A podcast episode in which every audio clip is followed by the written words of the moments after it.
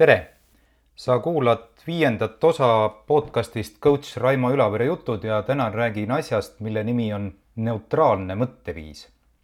mõni kuu tagasi lugesin USA mental coach'i Trevor Moavadi raamatut It takes what it takes ja Moavad on mees, kes viimased kakskümmend pluss aastat on tegelenud ähm, sportlaste vaimu treenimisega, enamasti pesapallurid, Ameerika jalgpallurid, korvpallurid ja meie jaoks võib-olla tema tuntuim kunde on äh, kunagine kahesaja, neljasaja meetri olümpiavõitja ja, ja eks-maailmarekordi omanik Michael Johnson. ja mulle kohutavalt meeldis tema raamatu läbiv idee ja mõte, et ägedate, oluliste, suurepäraste saavutustele või ka lihtsalt rohkem elamist väärt elule aitab enim kaasa niisugune asi nagu neutraalne mõtteviis. mis see siis on? Äh, eelkõige on see kaks asja neutraalne mõtteviis on hinnangute vaba mõtlemine, eelkõige äh, seda siis kriisides ja, ja pinge all tegutsedes.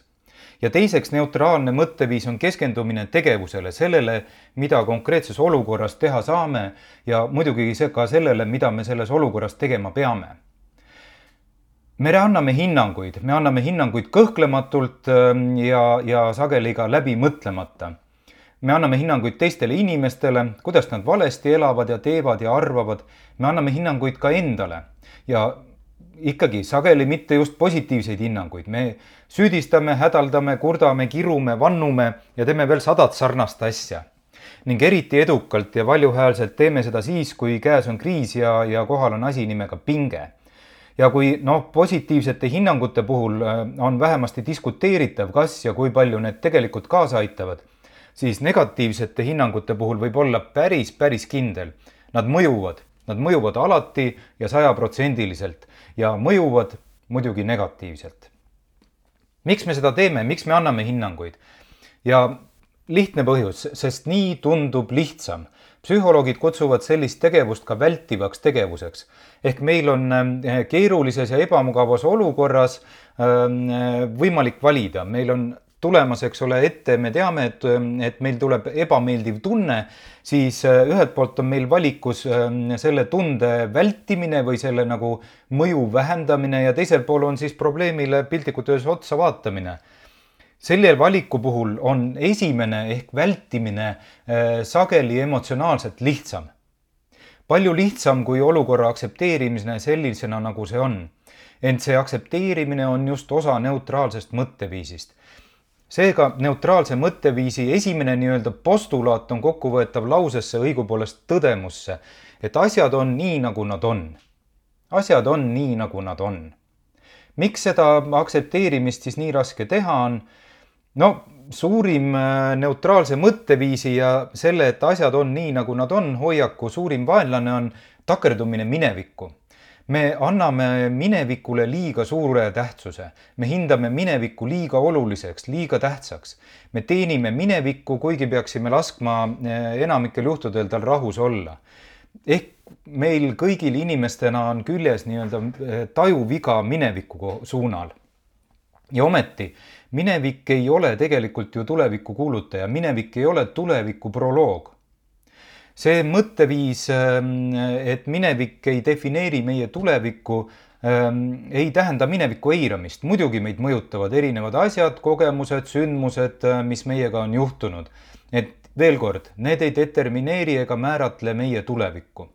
muuseas, selles mõtteviisis ei ole ka midagi radikaalset uut äh, Alfred Adler, üks suured, suurtest ähm, psühholoogidest Freudi ja Jungi kõrval on öelnud ähm, muuseas erinevalt äh, Freudist ja isegi vastukäivalt Freudile, et meil on võimalik igal ajahetkel teha uus otsus, uus valik. see on äh, kõikide inimeste võimalus ja me keegi pole eluks ajaks naelutatud oma mineviku külge.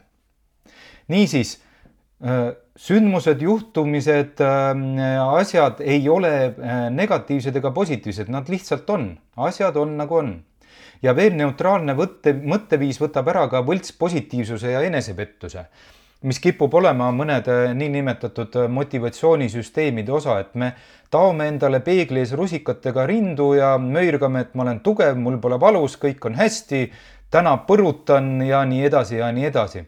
ka see on samas äh, omamoodi vältimine või reaalsuse eiramine, nagu enese või teiste kirumine.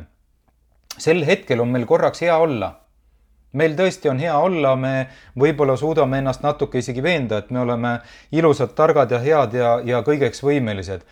ja järgmisel hetkel puruneb see sportlaste keeles väljendatuna esimese raske mäe otsa.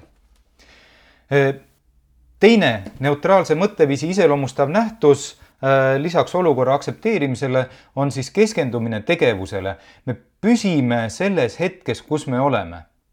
me ei liigu kuhugi tulevikku me ei unista, ent samas me ei tegele ka mineviku igatsemise või kahetsemisega. me teeme otsuseid ja valikuid sellest hetkest lähtuvalt, reageerides ja vastates olukordadele ja, ja selle hetke väljakutsetele. veel kord, me ei ela minevikus ja me ei ela ka tulevikus, unistustes ja neutraalne mõtteviis asendab äh, tunded tegevusega, tunded asendab äh, reaalse käitumisega, mida me teeme, on oluline, mitte niivõrd see, mida me tunneme. ja, ja see mõtteviis võtab ära äh, piltlikult öeldes tunded, õigemini noh, ta ei võta tundeid ära, me saame, kõik saame sellest aru, ta vähendab nende mõju. sest tunded võivad petta. tunded võivad petta, tunded saavad alguse meie uskumustest, mitte reaalsusest, mitte faktidest ja tunded võivad siis kaasa aidata või ka sootuks äh, meid siis takistada.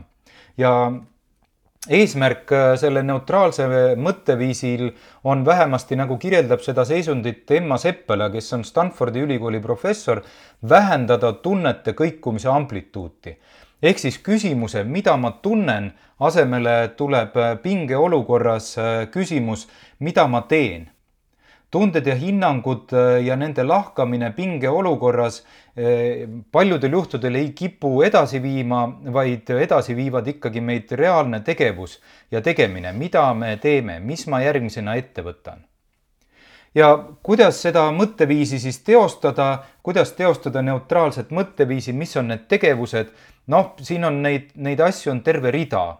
Ja alates plaani tegemisest olulise soorituse tarvis visualiseerimisest kuni oma tähelepanu teadliku juhtimiseni.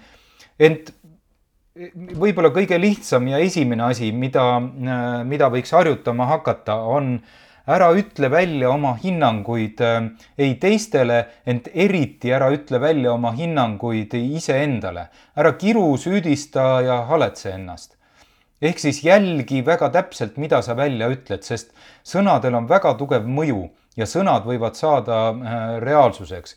ja, ja igasuguste selliste ülemääraste hinnangute andmine nii teistele kui eriti endale äh, ei ole neutraalne mõtteviis, see viib meid jälle äh, positiivse versus negatiivse mõtete lõksu, ent see sageli ei vii meid edasi muuseas, see kõik ei tähenda absoluutselt seda, et me peaks olema tundetud robotid. me oleme kirglikud, me peamegi olema kirglikud, vägagi kirglikud ent ja veel kord, me ei ole kirglikud mitte mineviku suhtes või me ei peaks olema äh, tohutu kirglikud teiste või ka enda süüdistamisel, äh, halamisel, kurtmisel. me peaks olema kirglikud selle suhtes, kuhu me jõuda tahame, mida me ära tahame teha. ja selles peitub neutraalse mõtteviisi uba. nii et harjuta vaata, mis saab, proovi elada üks päev ilma millelegi hinnanguid andmata vaata, kuidas sul läheb. aitäh kuulamast, järgmine kord juba uued jutud, uued teemad. muuseas, nii see kui kõik eelnevad episoodid on saadaval nii Spotify's kui iTunesis. elu on ilus ja kuuleme jälle